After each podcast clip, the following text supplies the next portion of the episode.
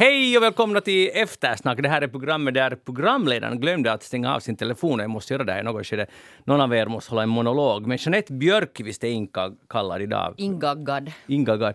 Nå, alltså jag vet att lyssnarna, det finns bara en sak de vill veta. Sen kan vi egentligen avsluta programmet. Hur gick det förra fredagen med din bil? Berätta Ja, hela alltså, storyn. Jo, alltså för den som inte, inte lyssnade förra fredagen så var det så alltså att den här akkun som det heter på god finlandssvenska hade helt enkelt alltså stärba som det också heter på god finlandssvenska dött. Den var alltså död och vi hade lite bråttom med min dotter till Barsund där min man och katterna väntade.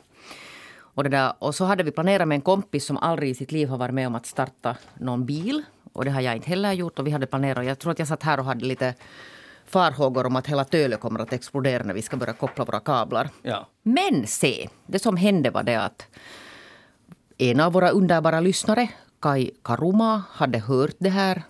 Så genast när programmet tog slut så tog han kontakt och sa att hej, han kommer och hjälper. Och så kom han svepande alltså i sin bil. Och så fixade han det här. Och sen? Bilen startade och den har gått alltså. Den har spunnit som en katt efter det här. Det var bra el jag fick. Världen är god. Jo, och jag måste säga att jag var alltså på något sätt så till mig här att tänk att det finns sådana här människor.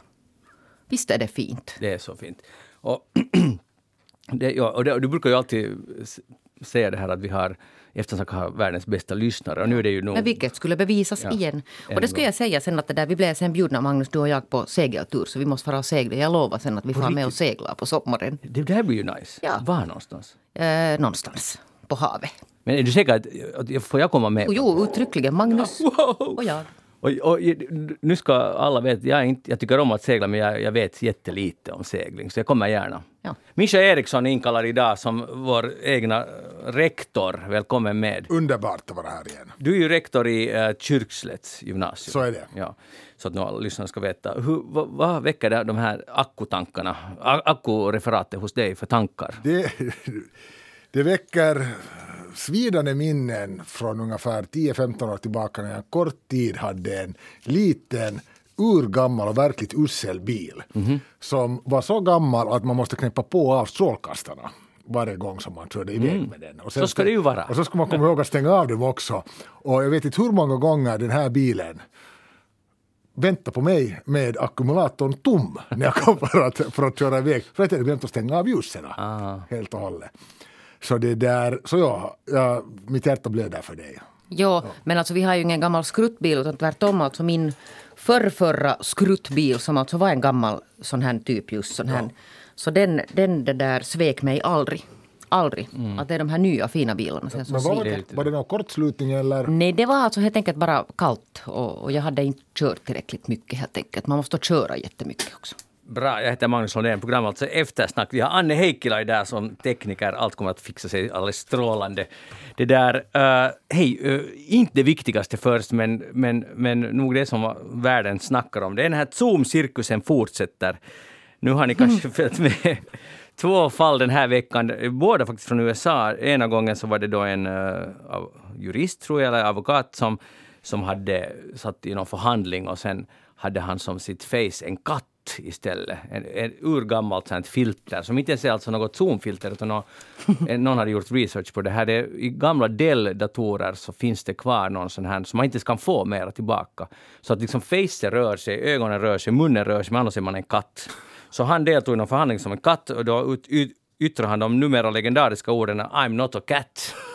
Och, och det här är det som vi ska ta med oss av corona. Alltså sån här humor. Alltså på riktigt. Det här är ju, jag vaknade i morse av del två i det här, för då var det en uh, Minnesota mm, kongressledamoten Tom Emmer som satt i en palaver någonstans och förhandlade också några riktigt seriösa saker. Men problem, och han hade liksom en sån här, någon sorts filter att hans huvud var liksom lösryckt. Och det var inte det, utan det var upp och ner. Så, så hans huvud svävade och upp och ner. Och då, då var det någon fiffikus som för han frågade “What should I do?” Och då sa, föreslår någon att du skulle kunna ställa dig på huvud. Och då skulle det bli åt rätt håll. Och det här är coronahumor och det här älskar jag. Ja, och grejen var väl det att Ja. de fick inte, alltså de lyckades inte få bort de här. Alltså, och där, jag tittade en del av den här katt kattincidenten och där sitter de här seriösa gubbarna där och försöker sen att, jo men att, att tryck där någonstans, att har du försökt där och de försöker alltså få bort det här kattfiltret och det lyckas alltså inte.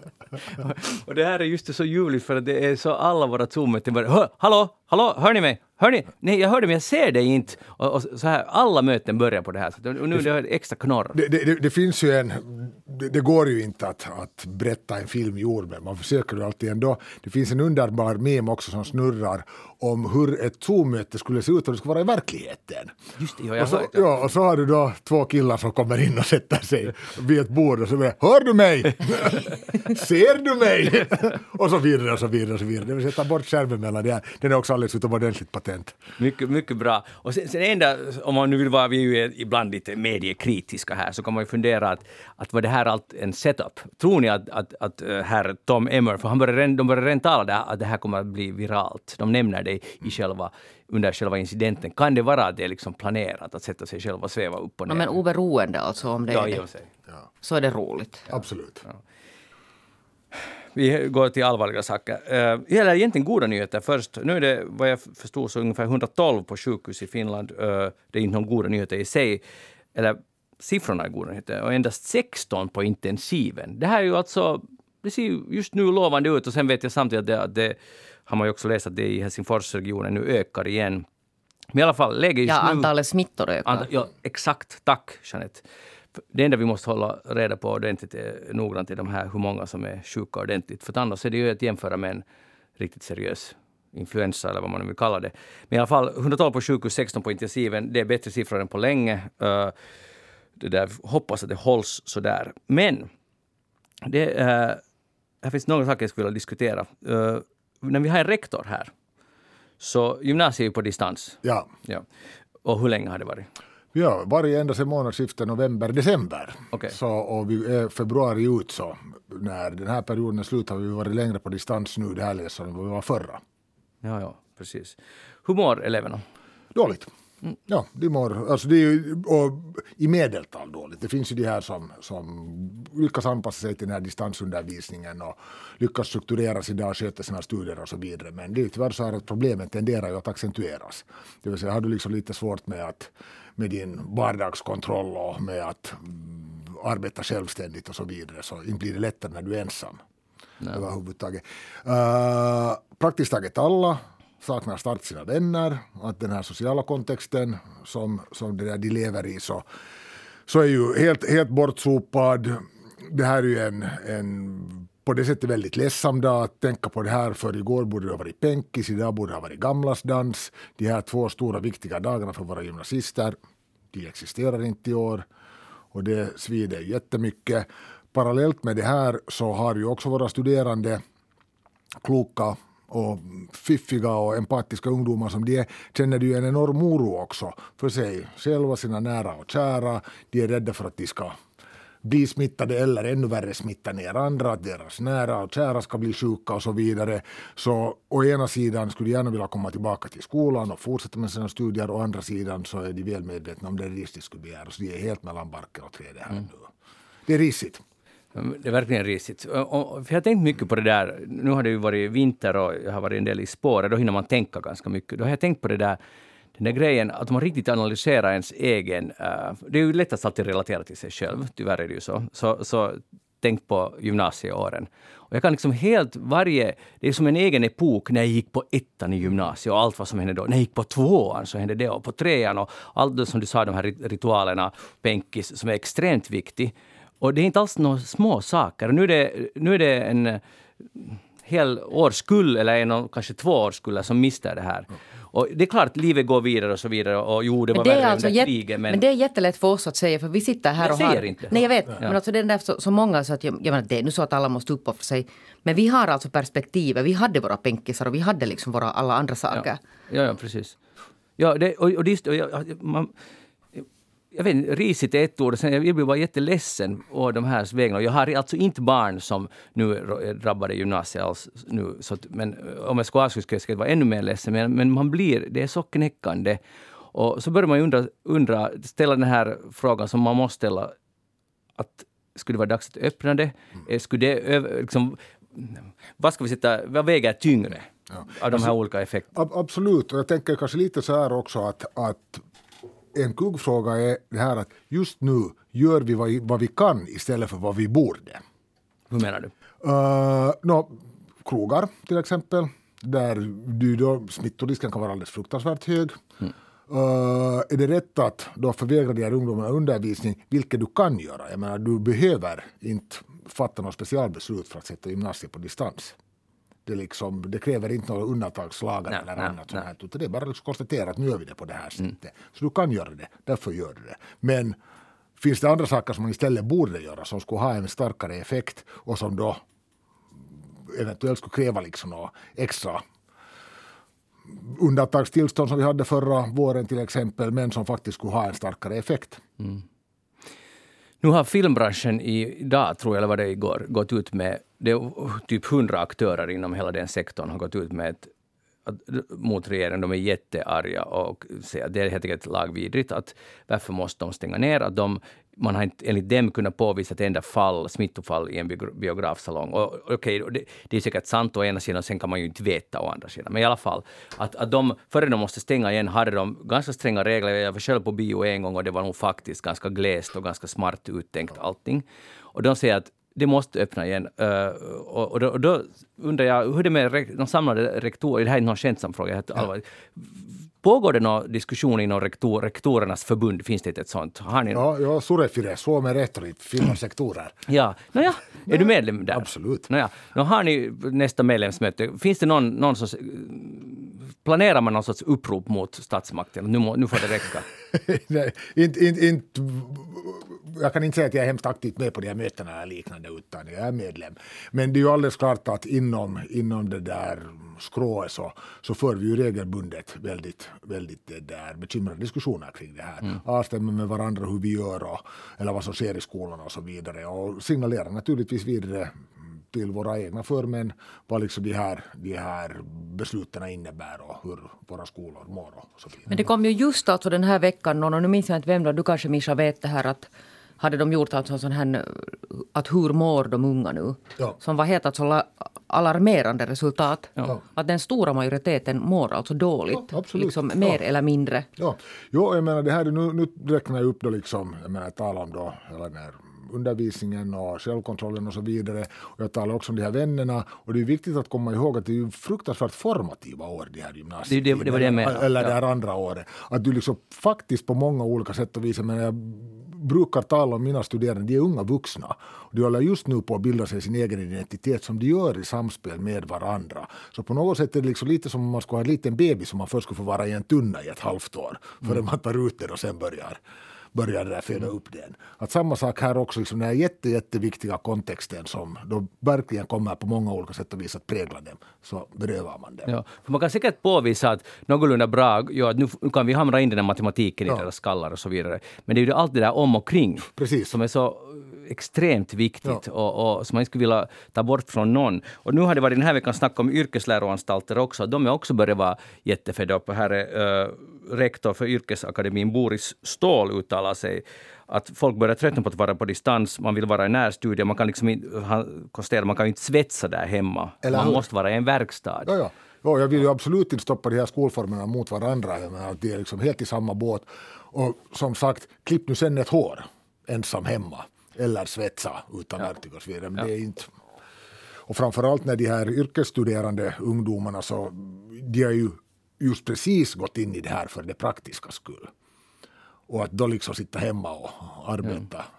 per distans med sånt som nu inte högsta prioriteten, när de, eller var högsta prioriteten när de valde skolform. Mm.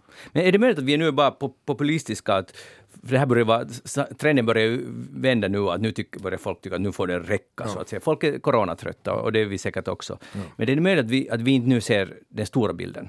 Eventuellt, men sen tänker jag så en, en relevant fråga här är naturligtvis vem betalar priset? Mm. Eller hur? Att vem, vem, vem snörpar man åt? Det är ju alldeles klart att oberoende av vilka, vilka det där arrangemang du tar för att på sätt eller annat begränsa verksamheten så det är ju någon som betalar, eller hur? Jag menar, dra in restaurangen och vi talar ännu om en konkurrens, konkursvåg som kommer att gå över, över landet, det är några att trilla och stänger vi ner de här så slutar det illa där. Uh, skådespelare överlag, liksom uppträdande artister, de har ju varit i Rapaon ända sedan förra våren. De betalar också ett fruktansvärt högt pris nu.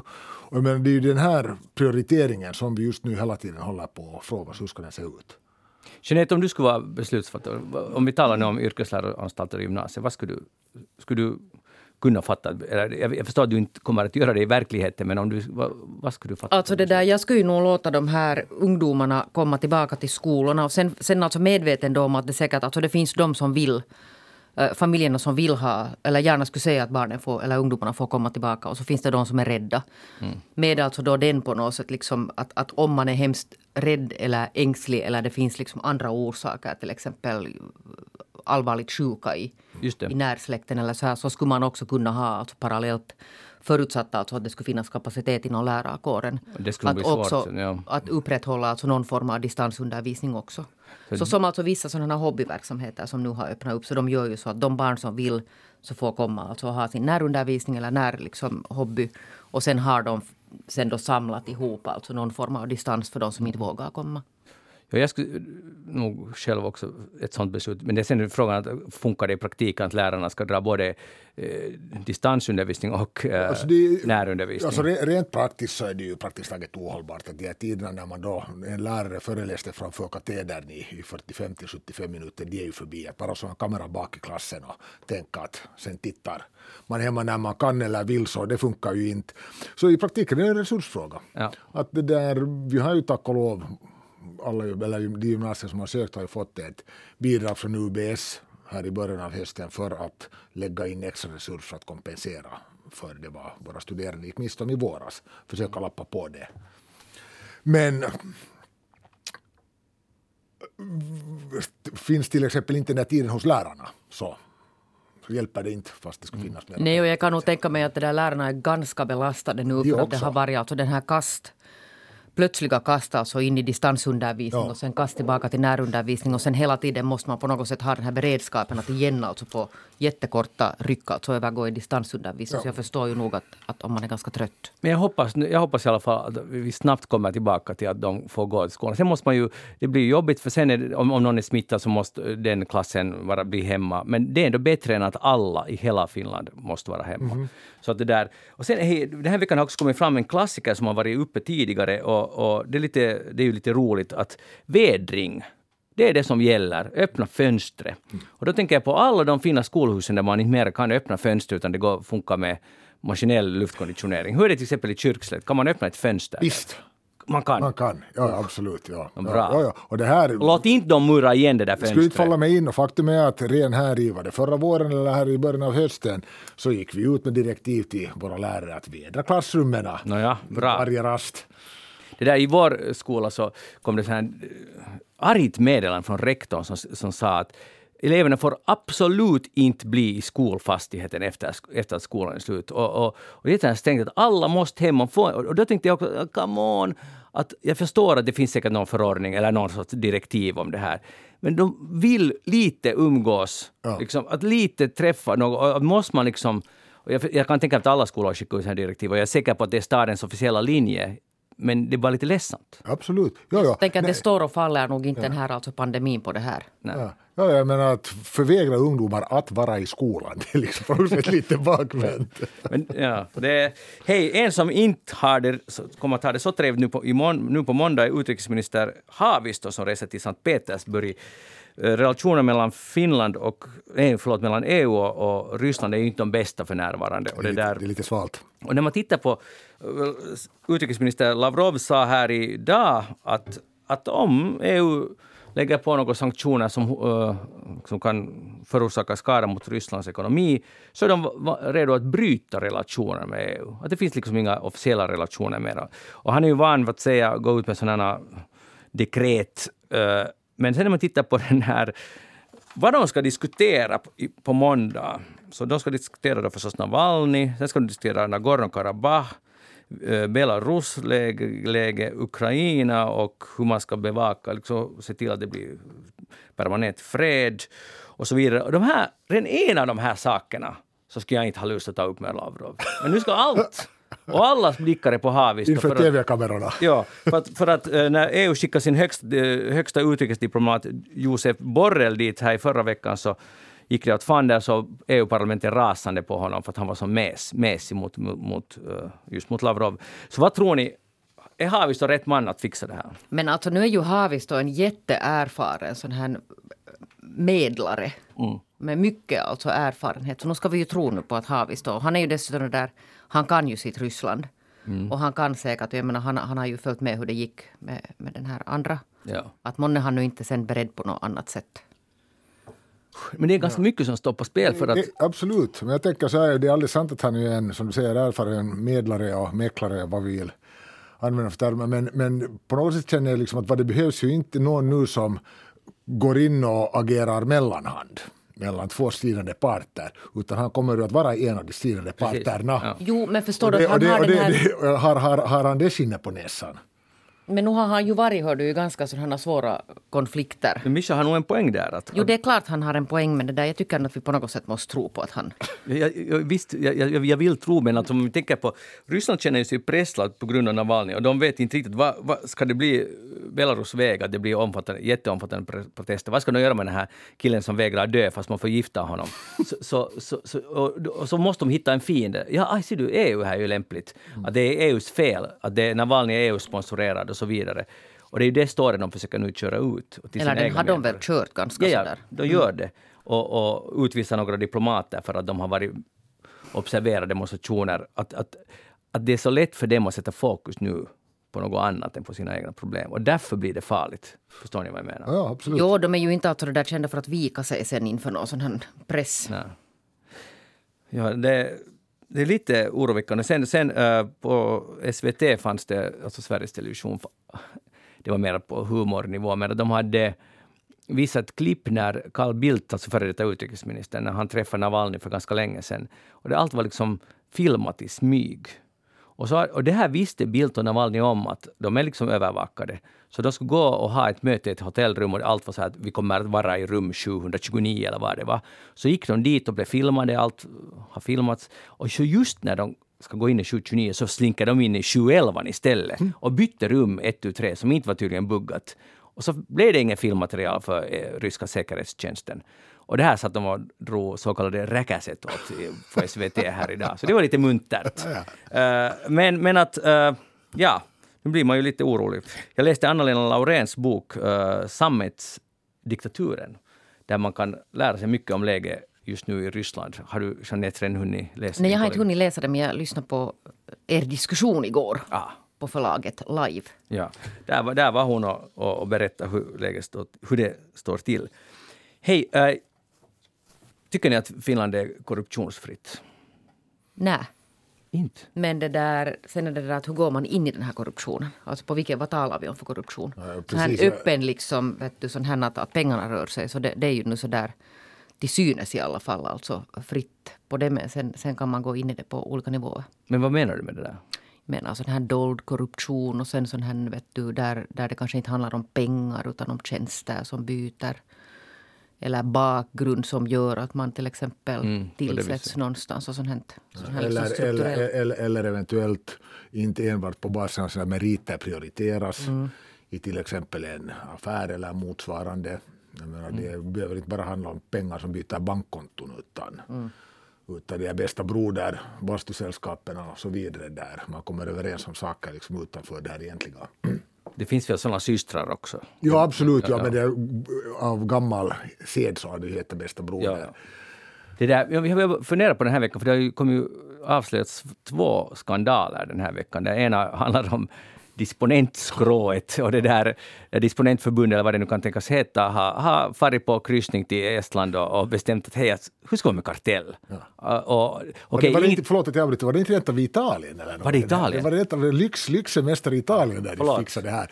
Vill jag minnas, men ja. jag kan ha fel. Okay. De får på race i alla fall. Och, och, där, där bestämde de då enligt anklagelserna, nu är det inte säkert ännu bevisat och de måste väl få, få komma, gå till svars, i svarsmål till det här, men i alla fall jag är lite misstänksam i grunden mot disponentförbundet, så jag, jag skulle inte vara personligen förvånad om det här stämmer. Det är någonting skumt med det där och, och som stadsbo är man ju ganska störd på att all, det blir bara dyrare i praktiken och det är jättesvårt att göra någonting för att man, alla som sitter i bost, uh, bolags, husbolagsstyrelser sitter frivilligt och sen kommer den där muttrande gubben dit och förklarar och med all sin juridiska pondus, man har ingenting nästan att sätta emot. Man måste vara otroligt ettrig och kämpa för att sätta en disponent på plats. Med, med, med fakturor till exempel. Det är jätte, jättesvårt. Och inte ju alla disponenter förstås sådana här, men, men att jag tror att ganska många har ganska negativa erfarenheter. Och, och jag hoppas att de, fel, om de är skyldiga förstås, att de fälls riktigt ordentligt. Och jag hoppas att alla husbolag som är kunder hos de här sex största bolagen som har ingått i kartellen, den påstådda kartellen, att de genast säger upp avtalet. Tack och adjö. Mm. Eller bevisa att ni är superoskyldiga, att vi inte har blivit lurade. Det är ju enda sättet. Men det andra fallet i dagens Hesari, så, artikel om allergi och uh, vad heter allergiförbundet, Allergia, Iho ja Astmaliiton toimitusjohtaja. Nåja, uh, ni vet, i Helsingfors finns det det stora allergihuset. Uh-huh. Och de har också, Mejlans. Ja, i Mejlans. Ja. De har också ett dagis som heter Histamini eller något i den ställen. No, i alla fall, och, och nu har det då visat sig att, att bossen där har det där... Han har nu köpt lite wina och, och, och det där lite, och cab och sen har de med bokföringstrick alltså har de sett till att till exempel det här daghemmet har gått riktigt bra på plus, men de har bokfört det som att det har gjort vet ni, 20 euro på plus och att det behöver allt stöd och, i världen. Och, och fixade till så allt det här har gjorts för att de ska få mera pengar av Veikkaus, alltså allmänna pengar. Uh, och nu kräver, krävs det tillbaka för ett år 770 000 euro vill... vill uh, det, det, är, det är mycket sprit. Det är, ja, det är inte bara han förstås, men, men de har till med bokföringsfiffel. Ja. Är gammaldags. Ja, faktiskt gammaldags. Och, och, man blir ju lite ledsen och så börjar man fundera just det här att hur korruptionsfritt är Finland? Det här handlar väl egentligen inte om korruption i och för sig, det handlar om missbruk. Ja. Men titta, det där visar också varför vi behöver sådana här sakkunniga journalister som granskar de här sakerna. Ja, faktiskt, fast det här var Någon nog... ifrågasätter. Det här var nog en, en uh, statlig instans som har granskat det här. Ja, men, men, och, och, jag vill ju här nu, fast det inte har någonting med den här saken att göra, så vill jag ju verkligen hylla de här olika medborgarservicerna och tjänsterna som erbjuds av det här slaget. Utan att gå in på detaljer. Vad, vad menar du? Av vem? Uh, just ta till exempel det här statliga verket som går in och, och vatten. Ja. Jag hade för no, ett knappt år sedan ungefär hade jag lite, lite det där gruft med mitt försäkringsbolag. Och hade tyckt att jag hade en alldeles klar case. Lång förbaskad e-postdebatt där det ju liksom alltid går ut på att de blånekar. Vi tänker inte betala ett penny av det vad du tycker att. Mm. Sen så finns det den här, nu kommer jag inte ihåg exakt vad den heter nu, den här, den här instansen. Man kan överklaga eller? Ja, precis. Ja. Det är liksom någon sån här centralorganisation ja. över jada jada. Gratis service. Jag skickade en mail dit, där jag redogjorde för det här. Och så gick det tre månader och paching, damp hela summan som, försek, som krävt försäkringsbolaget var ner på mitt bankkonto utan att blinka. Så fick jag en snustorrs tjänstemannabrev att vi har processat er Anders Holland. Obs av den här instansen som, jag minns inte som sagt exakt vad den heter nu. Men där hade dessa gråa tjänstemannar, riddare och ryttare gått upp, dragit sin lans för mig och sagt till det här försäkringsbolaget betala honom, ja. jag har ingen case. Okej då. Vits så bra. Ja. Bra jobbat. Och det visar man inte ska ge sig. Ja, hatten av. Får jag fråga hur många euro det var frågan om? Det var närmare tusen euro. Var ju, vi var, var ju lite intresserade. Tog du någon provision annars? Inte en öre, inte Men vad det där caset var skulle ju också ha varit lite intressant att få veta. Om du ja, det var, no, ja, jag kan gå igenom det, var, hem, det var hemskt enkelt. Kort version, Mischa. Ja, kort, jag har en powerpoint här om ni vill se det. Ja, det där. För tre år sedan så bytte jag uh, försäkringsbolag. Och i det här sammanhanget så hade mitt nya försäkringsbolag inte ordentligt sagt upp det var ett, äh, det, nu, det gamla försäkringen, okay. fast jag hade fått det i uppdrag. Så slarvade med mina pengar som jag så betalade dubbla försäkringar Oho. i två år. Ah, det var och, sån. och sen ett tu tre uppenbara det här sig och så jag att jag hade till och med papper på att ni har lovat att ni ska göra det här. Ja. Och det där. ja, ja, men du har ett kundansvar här också, ett konsumentansvar. Jag sa att jag tänker inte spetta ett korvöre att det där, jag vill ha de här pengarna. Och så sa de, ja, ja, ja, men du måste nu tänka att det är två år ändå, att hur är du så här dorka? Men det tyckte inte dessa Fantastiskt. Ja. Och, och, just det att för i USA skulle det ju också funka, men då skulle ja. de ta 25 procent i provision. Eller hur? Ja. ja och, och, så jag börjar på en så kallad negativ note här, men egentligen så börjar man ju älska Finland mera efter Eller vad? Staten har avslöjat de här bluffmakarna, ja. eller ena bluffmakaren i alla fall, i, på Allergiförbundet och Uh, försäkring. Och Michas försäkring och disponenterna de, i kartell är också avslöjade. Och, och det är bra. Så så tillvida funkar det. Men då blir man ju, man blir ju ändå lite sådär att finns det massa saker vi inte känner till? Helt Ja, men, säkert. men, men det, är en, det är en intressant fråga det här. Just ah, det här existerar det här. Allt det här strulet och fifflet och spelet bakom kulisserna och så vidare. Vilket det säkert finns. Men poängen är det här, hur finner man sig i det? Att det finns ju säkert många samhällen där liksom man ser det alldeles som en inbyggd del av systemet. Lä, det- läs Anna-Lena Laurens Rysslandsbok. Eller hur? Ja, ja. Golden handshakes och ryggdunkningar och annat sånt här. Men sen så finns det tack och lov de här samhällena där visst sker det här men det är liksom ändå ingenting som man tycker att vi ska nu verkligen inte acceptera Nej, det. eller Det, är, det, då, då, är det, då börjar det nedförsbacken Men ingen här, brantare och brantare. men ingen här accepterar det. Nej, men vi ska verkligen inte... Nej, vi ska verkligen inte. Jeanette Björkqvist, vad har du tänkt på den här veckan? Jag har tänkt vet du, på de här, jag vet inte hur mycket ni det där försöker er på att det där shoppa så här second hand på nätet. Alltså det finns Facebook är ju fullt med sådana här till exempel stadsdelskirppisar Ja. som man kallar dem. Eh, som då är alltså nischade på olika saker. Det kan vara Tölö säljer någonting och Tölö säljer barnkläder och, och Bruna Kärr säljer någonting. Och så finns det den här torg.fi och så finns det vad det nu finns. Och det där jag hade där, jag tror att det finns två slags människor i den här världen. Den ena är den som, som klarar av de här och den andra är, är de som inte klarar av det här. Och jag hör alltså till dem. Jag, jag helt enkelt alltså klarar inte av de här. Alltså det är någon sån egen värld. Har ni någon gång försökt alltså göra affärer på de här? Ja, min, min fru brukar sköta våra affärer, men hon Går gör det det mycket framgångsrikt. Ja. Aha, okej, men då kan det hända att det liksom har någon sån här att det är liksom skillnad var man försöker Men, alltså men, sälja men någonting. Jeanette, vad är det du inte klarar av? Alltså där är många saker. Till exempel alltså har jag någon gång försökt sätta eh, barnkläder. Alltså det finns egna grupper för barnkläder.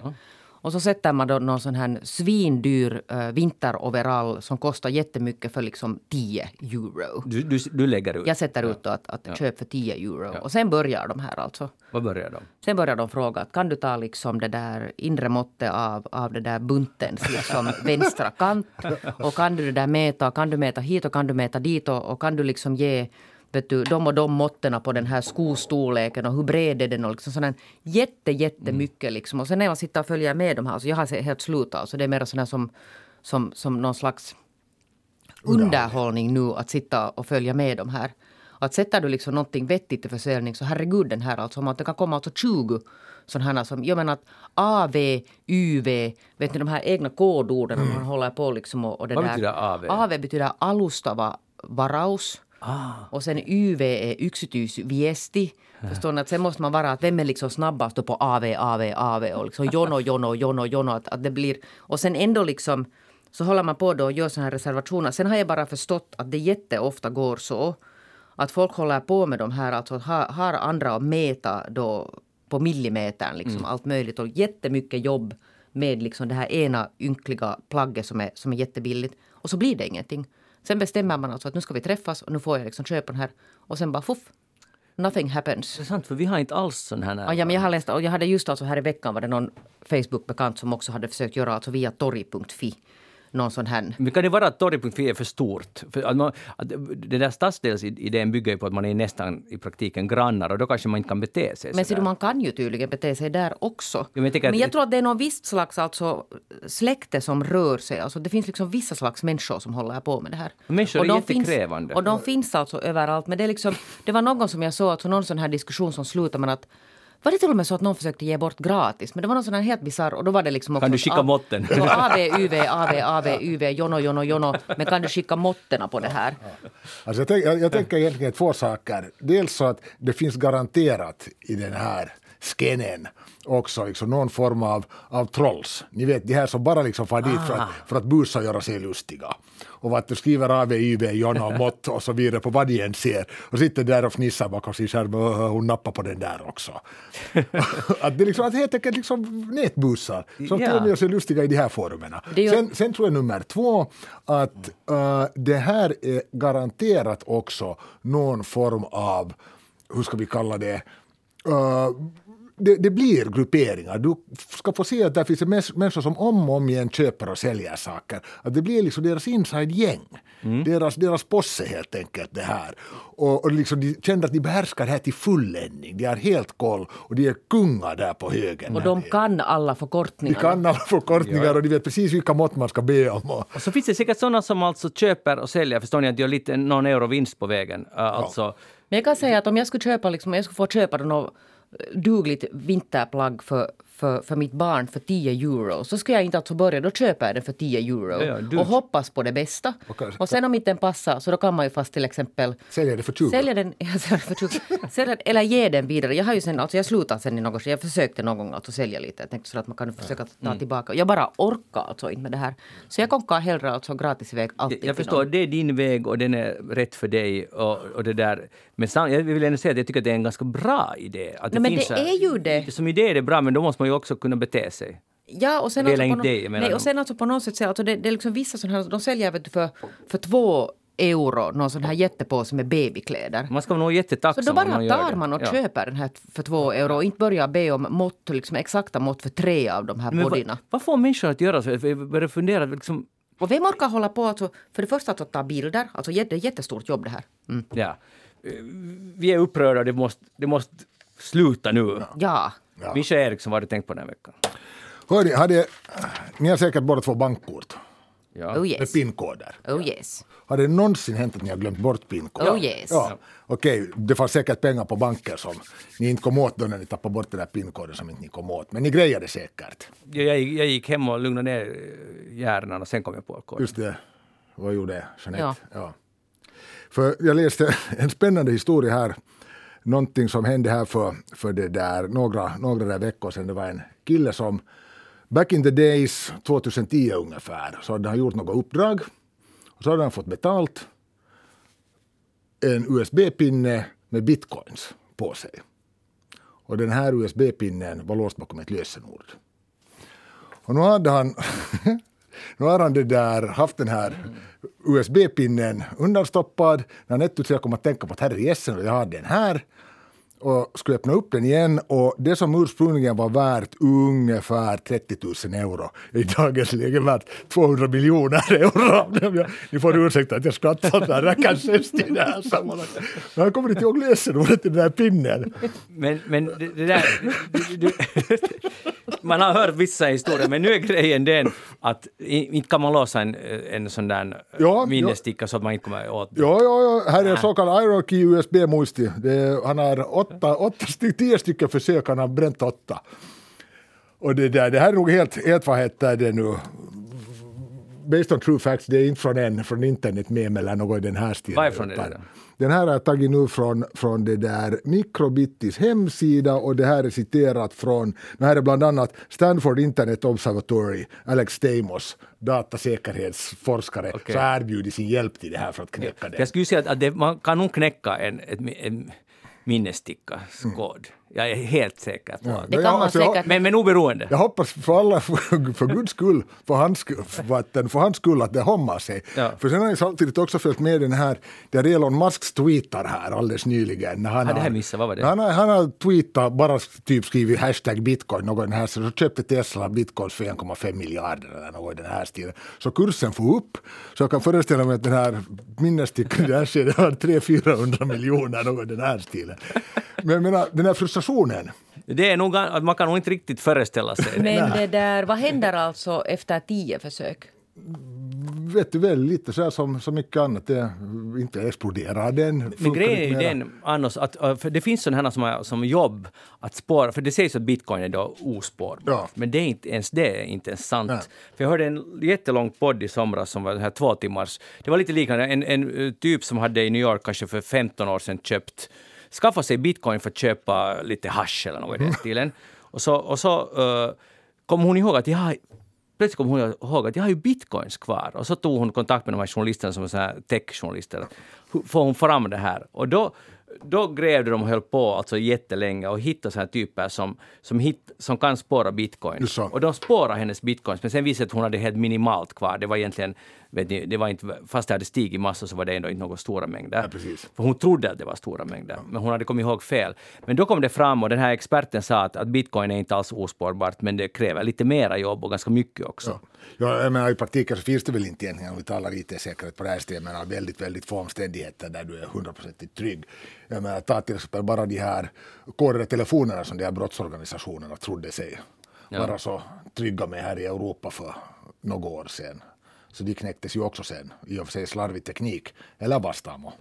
slarvig teknik där också. Men... Ja, no, Vastamo hade nog inte riktigt bitcoin. eh, Nej, nej, nej, jag, nej, jag talar om, jag talar om. IT-säkerhet. Ja, ja, jag förstår. Nej, jag vet att de inte hade bitcoin, men de hade inte det på den nivån säkerhet heller. Det Nej, inte, gud bevare, gud bevare. Men det där aktualiserar ju lite den här alltså överhuvudtaget det här med lösenord. Alltså nu vet jag inte var han hade, varifrån han hade fått sitt lösenord och varför han hade glömt tappa bort det. Ja. Men nu blir man ju galen alltså med alla de här lösenorden som man borde komma ihåg. Alltså ha massa olika, och man får ju inte ha samma alltså. Nej. Och många säkert har det för att man helt enkelt alltså, man har inte kapacitet att komma ihåg lösenord till precis allting. Du ska ha lösenord till allt. Det, det finns ju goda system, jag menar sådana här olika appar och grejer som... Jo, men så för sådär gemene lösenord- man så- Lösen, nej, nej, de är hemskt lättanvändliga. Så lösenordskassavalv. det, det finns. Ja. Men, men jag märker att, och jag vet inte, Jeanette kanske är på min sida här. Man går in och skapar något nytt konto någonstans. Ja. Så gör, ge nu ett lösenord. Det måste innehålla En stor... tidnings vet du, prenumeration eller någonting. Ja, stor bokstav, liten bokstav, siffror, bokstäver, ett specialtecken och ännu någon ditten och datten. Och så hittar man på något som i stunden, här är ganska bra. Och det här kommer jag att komma ihåg. Jo, det här kommer jag komma ihåg. Och så går det på riktigt fem minuter så kommer jag inte ihåg. Jag har ingen aning. Vad, vad satt jag dit? Ja. Ja. Då är du ju tacksam över att det inte var 200 miljoner. Ja, då är jag väldigt tacksam. Jo, eller det här så ska du liksom säga upp sen någonting och du kommer inte in dit för att du helt enkelt alltså inte kommer ihåg och vet du inte kommer ihåg för att jag har sådana här lite fake e-postadresser också som jag brukar sätta ibland. Aha. På sådana Så du kommer så du kommer jag inte ihåg alltså vilken det där fake-adress jag, har, jag hade där. Mm. Satt den här återställningsordet i och inte heller. den här till vilket fake-konto och vad det var för lösenord dit. Alltså, alltså vilket 2020-talsproblem på något sätt. Det här liksom att, Det här kommer nog att eh, elimineras ganska snart, det här problemet, med någon annan sorts identifiering. Garanterat, ja. Som sagt, det finns redan nu, redan nu goda, goda sätt att hålla reda på det här. Jag använder det som finns i Firefox där, och det, det är ju lite att när man kan gå in dit och titta sina sparade lösenord. Ja, det är inte så bra, nej. Nej, men jag använder det, men vem som helst kan ju använda Ja. det. Alltså, det är inte så där jättesäkert. nej. Nej. Men- Men, men- det är inte den jag tänker på. Vi ska inte gå in på den IT-lektionen här och nu. Nej, det ska vi faktiskt inte. Hej, ja, det där, eh, har ni någonsin känt att ni liksom har failat när ni har beställt någonting från nätet? Att ni, nu, nu beställer ni fel, från fel firma till exempel. Man ska inte beställa från nätet, man ska gå till butiken. Ser du. Ja. Men du har, I det här fallet har du nog rätt. Ja. Nej, alltså de, de största, största det där klumpigheterna jag gjorde var nog där gamla Sedeli postorder där då på 80-90-talet. Hobbyhåll. Typ ja. ja. ja. eller jag kommer ihåg när jag en gång beställde en som såg så fruktansvärt cool ut, så lång trenchcoat. Från någon, någon det där. Beställde du en trenchcoat på... Postorder. Ja, ja, kyllä. Ja, det har jag använde den en dag. Den, den såg hemsk ut. Sen satte du den på sån här net, nettikirppis. Ja, för 10 euro. Det eller mark på den tiden. Det, faktiskt en av, jag, det här blir lite insamt, jag kommer ihåg att du alltid gick med trenchcoat i, Ja. i skolan. Jag kände inte det så bra, men att du, gick, du, du hade sån här cool trenchcoat. Var det, var det faktiskt från hobbyhållet? Nej, det var inte den. Det var sen i ett senare skede som jag beställde den här. För den var ju inte så bra den här. Nej, just det var inte så bra. Men för att jag, min, min kontroll släppte för en liten stund. Jag skulle beställa två. Jag har ju det här projektet att rädda mina gamla Macar, bärbara Macar, få dem i perfekt skick igen och det har gått superbra. I den kampanjen ingår också beställa nya laddare. Och så, eh, det störde mig att- att jag måste köpa ny, för jag försökte hitta begagnade men det, jag hittade inte då direkt. Så blev jag otålig så, så googlade jag vad hittar jag billigast. Så då, billigast hittade jag förstås på halvathinnat.com.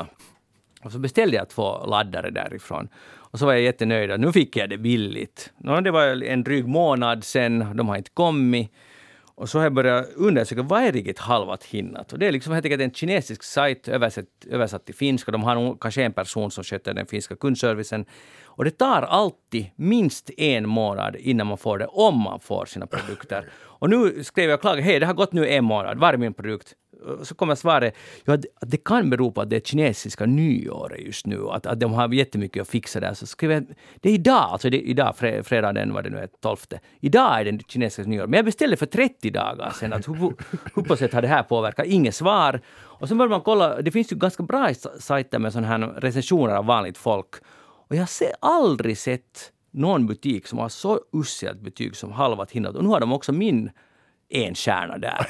Ja, och, och man vill ju, alla skulle säga att om man skulle kunna ge noll så skulle vi ge noll och jag hör till den gruppen. Och det där, eh, och så ska man dessutom betala tull på det och det är ju helt rätt, det är ju lagligt och så, så, så ska det vara. Men när man, att, tänk om man kan gå på en så billig grej, bara för att det är på finska så tror man att det är en finsk sajt. Att Därför, alltså jag, nu när du tar upp det här så minns jag faktiskt när jag för några år sedan beställde såna här, ni vet, så här grillhandskar, grilllappar, Mm. silikon så att man ska kunna hantera grillgrunkor utan att bränna sig. Och det tog jag också från någon sån här kinesisk mellanhand, någon den här stilen. Och jag tror att du får ett par, de här grunkorna, du får ett par varv runt jorden. Alltså, Ja. I kid you not, att det, liksom, det tog flera månader, jag kunde följa med det där paketet, de landade nog mer eller mindre i varje land som ligger på ekvatorn. och det där, och de kom fram sen till sist, men då tänkte jag också att hade, de var helt mm, svinaktigt billiga, typ 50 cent, 75 cent per styck, något den här stilen. Och då såg jag liksom lite också det här att uh, inte skulle jag orka marra för de där fem eurona, sen om de aldrig skulle ha kommit fram. Så jag menar, helt teoretiskt sett så liksom det här att, att sko sig på det, detta sätt också vid de här billiga butikerna är antagligen ganska lönsamt. det måste vara en stor del av businessidén. Ja. Och det där är en lite annan sak än att faila alltså på det att man köper någon fel produkt. Alltså, för det där tror jag ganska många går på. Alltså, som är ju fullt med de här att det dyker upp alltså klädreklamer till exempel. Och jag, for, fa- jag gick faktiskt på en sån. För jag skulle beställa åt min dotter förra året en sån här som såg jättemysig ut. Sån här liksom pösig mysdräkt. Och så slog jag iväg den bara sådär och, och det gick jättebra. Och sen kom ingenting och ingenting kom och ingenting kom och ingenting kom. Och sen började jag skicka det där brev och lite utreda. Och då visade det ju sig att det finns jättemånga sådana här kamouflerade firmor som kallar sig alltså allehanda olika, de byter namn alltså. Men den som finns alltså bakom dem är samma spårna leder alltså till Kina. Också här. Så kan det finnas alltså om man, man slår en googling så visar det sig att det finns här bloggare som följer med de här och försöker alltså övervaka dem. Men ingen annan verkar riktigt följa med det här. Du måste vara alltså innan man går och beställer från någonting som inte helt att du inte känner till att vad är det här för en firma. Så borde man checka det. Så borde man alltså göra den här för att det finns de som det aldrig kommer, alltså produkten kommer aldrig, eller det tar tre månader, så som det tog alltså i det här fallet, sommaren kom och for innan den här dräkten. Ja. Faktiskt, men mirakulöst nog så kom den och den var inte ens alltså den värsta alltså kvaliteten.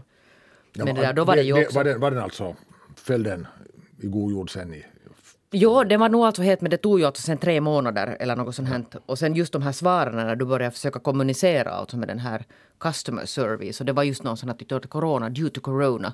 Ja. Så, så att jag menar tre månader tar det ju nog inte kanske ändå, att det går ju ändå någon slags Nej, då borde de ju skriva att, hej, att, att det här kommer att ta jättelänge förrän du Jo, får jo, det. den var ju fast alltså den här i någon, jag minns inte vad jag sen alltså redde ut att det hette någonting. Att det är hela tiden att den är fast i någon sån här center någonstans. Och då var det fast liksom i en kinesisk center i en månad. Ingenting hände alltså. Men det, det är nu sådana tider, det här har jag någorlunda bra koll på, att alla leveranser från Asien, och det beror nog på corona, tar hemskt lång tid. Så man ska inte beställa nu inte Nej, men den var någonting. sen två månader i Bulgarien den här. Ja, okej, jag förstår. Nej, men jag menar att, att shippingvärlden är ganska upp och ner just nu, oberoende. Jo, men det var inte det som var förklaringen Nej, här. nej jag, för, jag förstår. Eh, jag vill ännu säga om halvat hinnat, köp inte av dem. eh, och jag är inte den enda som tycker det. Och, och om det skulle vara så att det står, eftersom man tror man beställer från en finsk butik, och sen om man tittar riktigt djupt in så står det att om du hamnar i, om vi har olika åsikt så avgörs det här i domstol i Hongkong. i Hongkong. Ja, och dessutom att om man vill returnera produkten så då gör man på egen bekostnad och sen när den har kommit fram till oss och vi har konstaterat att den är okej så drar vi av det och det och sen får du, sen får du, du små slantar tillbaka. Så det är liksom, man är, och så har jag försökt säga, redan efter två veckor skrev jag att hej, jag återtar mitt köp. Att ge bara pengarna tillbaka och vi glömmer det här för att enligt tracking har den inte farit iväg. Nej, det går inte. Att först ska du få den efter någon månad, sen ska du skicka tillbaka någon månad. Nej, nu går vi vidare. Men jag, Du är arg. jag är lite sur, ja. Viktig sak, har ni sett ett sånt videoklipp? Eh, jag satt ute på Eftersnacks Facebook-sida. Det är från 1966, journalistik toppnivå. Uh, handlar om turism. Har ni träffat en riktig turist och vad tycker ni om turister? Och de åker runt mellan, som de säger, mellan Kotka och Åbo och gör sådana uh, eh, gatugallupar bland finlandssvenskar. Och det här är alltså en av de mest fantastiska videor jag har sett, i alla fall det här året.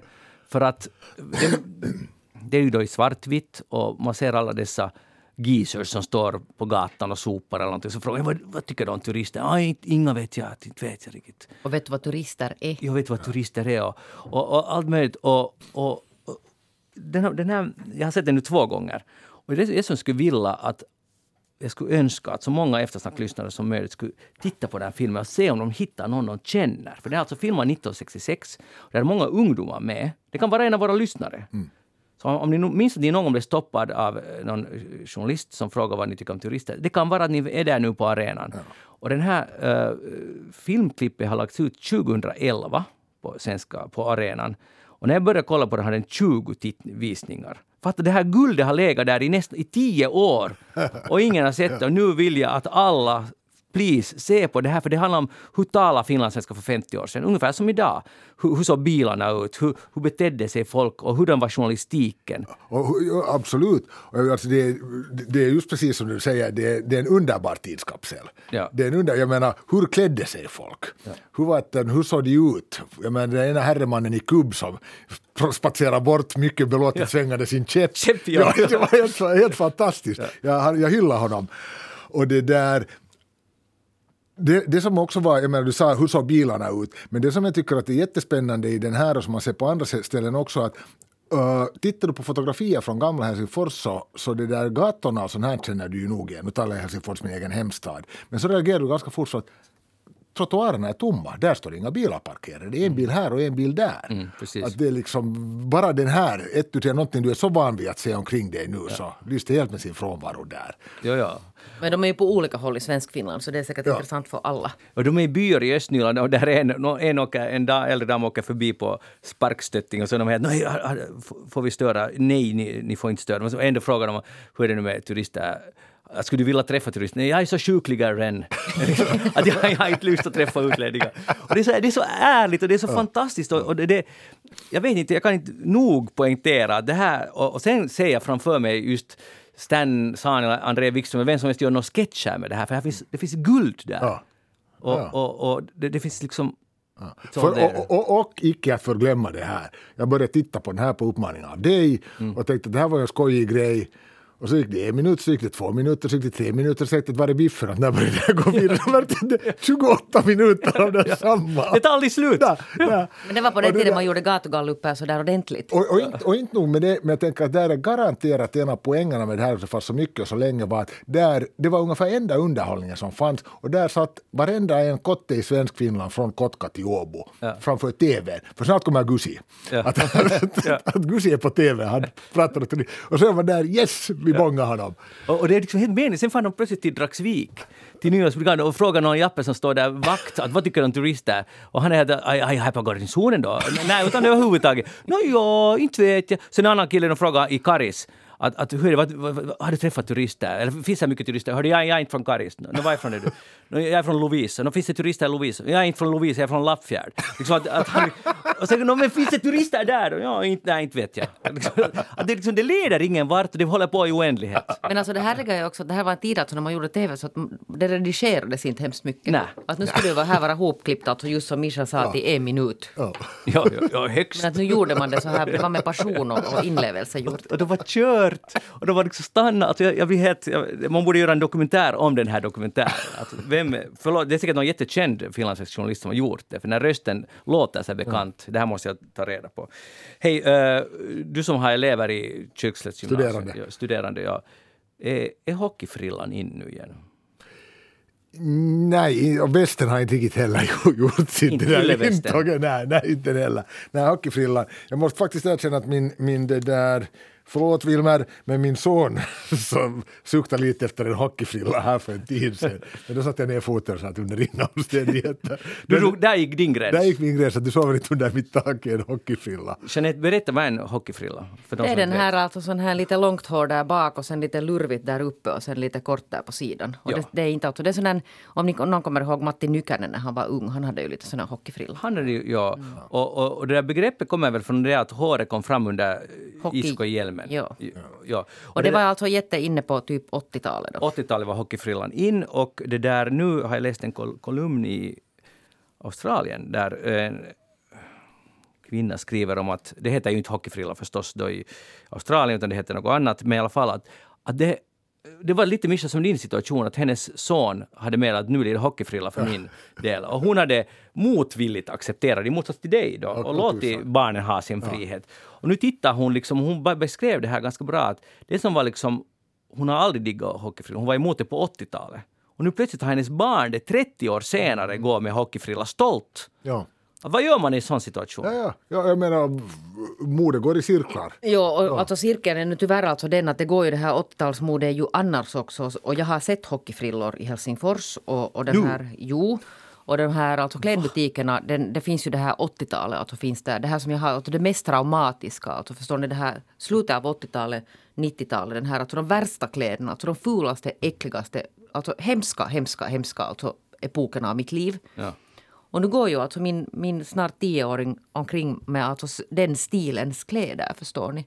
Har hon, har hon grävt i din garderob? Nej, alltså gud, nej, gud, de är säkert uppbrända. Jag hoppas att jag har bränt upp allting, att det inte finns något spår av det här. Lyckligtvis finns det inte så mycket bilder heller från den där tiden av, av det där livet. Men den har kommit alltså. Jag tänkte att det, det, det modet kan aldrig komma tillbaka. Och här är det. Här är det. Och det är nog jättespännande hur det går. Och man skulle nog, jag tror att man skulle kunna få en hel generation som skulle säga liksom svära en ed på att hockeyfrillan aldrig gör comeback. Jo, det här- den det är ju sitter inte alltså- så jätte... Nej, och den generationen sitter här, men sin, de, de, de behöver leva det här också. Ja, det, det är sant, för vi tillät det då. Ja. Kommer du ihåg någon kille som du tyckte att var ganska Jo, stilig? i hörde hela? Borgå var fullt med hockeyfrillor. Men tyckte, jag, men tyckte jag att det var stiligt så det vet jag inte. Alltså man var ju, de hade ju, alla hade ju sånt du, hår. Men du hade väl inga alternativ? Nej, men det var lite som att vi gick omkring alltså med vår sån här överpermanentade fruktansvärda alltså det där på huvudet. Jo, det var nog inte så jättestiligt. Pudelhåret. Det fanns ju grabbar också med Och jag vill inte, pudelhår. jag kan vi gå vidare? Vi, vi kan gå.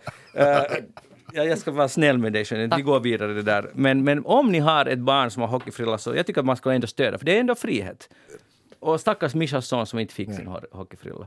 Hej, eh, vet du Misha vad far far out är? Far far out. Ja. Nej, far out. Så det är ju en sån här hippietermen. Ja, men, nej, men det här är en, en, en sorts planet. Nu har de hittat det, det objektet som är längst bort i vårt solsystem. Aj. Och då förut hette, det längst, som var längst bort hette Far Out. Nu har de hittat Far Far Out. som är alltså otroligt långt borta, nu, eh, på 175 AU från solen. AU är ju en enhet. No, i alla fall, Astronomical unit. Ja, exakt. Och jag vill bara att du skulle veta det här. Och den tar 1000 år för att cir, uh, cirkla runt solen. Jag tänkte bara på årstiden, om det är ganska långa där. Det, det är fint. Ja, är det där, hur stor är denna kluns? Det var nu, det var nu vad den var, 400 kilometer i diameter kanske. Okej. Hej, eh, jag ville bara, det var vetenskapsdelen av Eftersnack. Jeanette Björkqvist. Den var kort, Den var tack. kort. Tack för att du var med. Men långt borta. Vi ska eh, försöka glömma hockeyfrillan. Mischa Eriksson, tack för att du var med. Det var Alltid, roligt att ha dig alltid här. fröjd. Jag heter Magnus Lundén och jag lägger ut videon en gång till på vår Facebook-sida, facebook.com eftersnack, den här uh, turistvideon. Tills, tills nästa vecka, ha det bra. Hej då!